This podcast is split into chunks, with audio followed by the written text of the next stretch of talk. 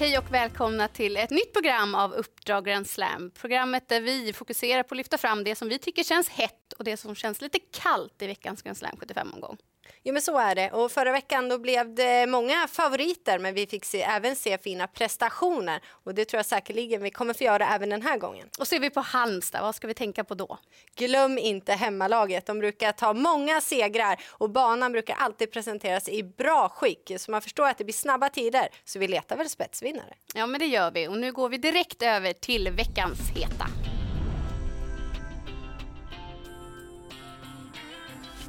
Och vi börjar direkt i den första avdelningen med Kristoffer Eriksson. Han har rystartat det här året och har 4,27 i segerprocent. Han selar ut tre hästar och den hetaste är nummer sju Powerlane som fortfarande inte vet hur det känns att förlora ett travlopp efter två försök.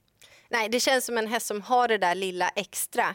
En med form, det är Magnus Fagerberg, 29 i segerprocent i år. Och i den tredje avdelningen då ser han ut Quantum Yankee som debuterade i hans regi senast, gjorde det fullt godkänt då. Men med det loppet i kroppen och att han tidigare gått bra över långdistans, då tycker jag att han känns mycket intressant. Men det är en öppen avdelning och jag vill lyfta fram ytterligare en häst och det är nummer fyra Digital Crunch. Hästen har visserligen inte vunnit någon lopp än på sina 16 starter men oftast tävlat på Sovalla mot ganska så tuff konkurrens. Nu är hästen debut för Hanna Läderkorpi och statusen där är att hästen är väl förberedd, har fått två lite snabbare jobb.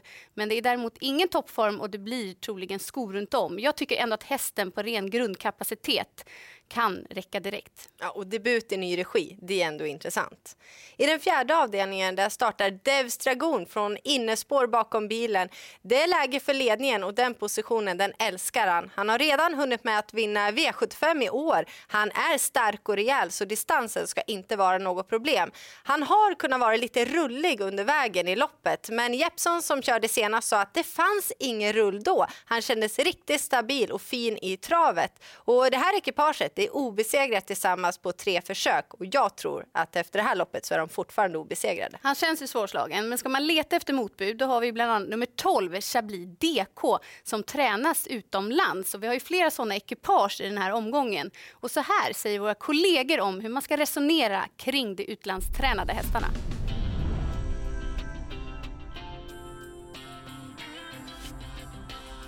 När det är en massa utländska ekipage så går det att gå in och kolla lopparkiven på dem.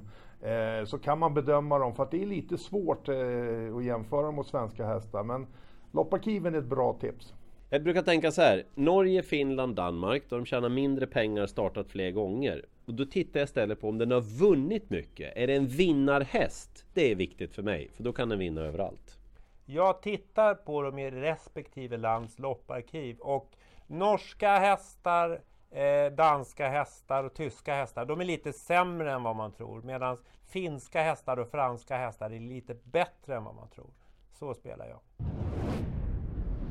Ja, men intressanta tankar från våra kollegor. Det är ju inte lätt. Nej, du får lägga ner extra tid, läsa på lite extra och titta flera gånger i lopparkivet. Mm. Någonting vi däremot vet det är att Peter Unterstein han har alltid laddat lite extra när det är hemmaplan. Och hans bästa chans i omgången är i den femte avdelningen, nummer fem, Happy Celebration. Det är ett nyförvärv, men det låter som väldigt goda träningsrapporter och dessutom optimal balans direkt och duktiga Henriette Larsen i sulken. Ja, minst en seger, det vet vi att han tar som i alla fall tränare på hemmaplan. Det Kanske kusk också. Så. Ja. Och över till omgångens sportsliga höjdpunkt. Det är att Stefan Melander skickar en häst och det är inte vilken som helst. Det är Disco Volante som i år har höjt sig ett rejält snäpp måste man ändå säga som sjuåring. Han har gjort sex starter och vunnit fem. Och känslan här med den korta distansen och spår fyra det är väl att han bara ska jogga hem en seger inför Paralympiatravet. Ja, det går ju inte att slå honom. Det är bara att njuta av hans uppvisning, för det vet vi att han kommer leverera. Eh, Conor Lugauer, han är ju alltid att räkna med. Bra stallform. Bästa chansen, det kommer i sista avdelningen. Nummer sex, Matilda Cash, som är snabb ut bakom bilen och är redo för en bra prestation. Så planen, är att leda det här runt om. Det var våra heta i omgången, så här kommer de kalla.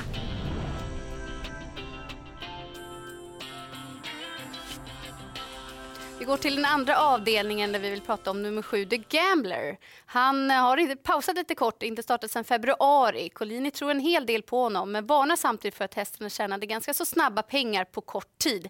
Dessutom spår sju, det känns lite väl långt ut på vingen och ganska så tuffa konkurrenter den här gången. Ja, och i den tredje avdelningen där startar 13 Matteus som ännu inte gjort något fel på tävlingsbanan. Fem starter har blivit fyra segrar. Men det är ingen lätt uppgift han har den här gången. Bakspår på tillägg över Halmstads snabba bana. Det kan ställa till det. Och lägg dessutom till att det är första gången över långdistans. Och enda gången han för, har förlorat, det var faktiskt när han startade från just tillägg. Så därför blir han kall den här gången. Och sen går vi till den femte avdelningen där nummer åtta, Feel the Rush, har en imponerande rad. Han har aldrig varit sämre än tvåa. Men med tanke på att han har spår åtta, är väldigt orutinerad sett till många konkurrenterna, så finns risken här att han nog blir lite väl hårt spelad. Har vi fått lite hett och lite kallt? Vad är det viktigaste att ta med sig inför omgången på Halmstad? Snabb bana, vi letar efter spetsvinnare. En sådan hittar vi i den eh, sjunde avdelningen, 6, Matilda Cash, Lugars bästa chans i omgången. Och jag tror väldigt mycket på Peter Untersteiners nyförvärv, nummer 5, Happy Celebration, i den femte avdelningen. Ja, men se upp för hemmalaget, de är ju riktigt starka i Halmstad. Och lycka till säger vi, så ses vi nästa vecka igen.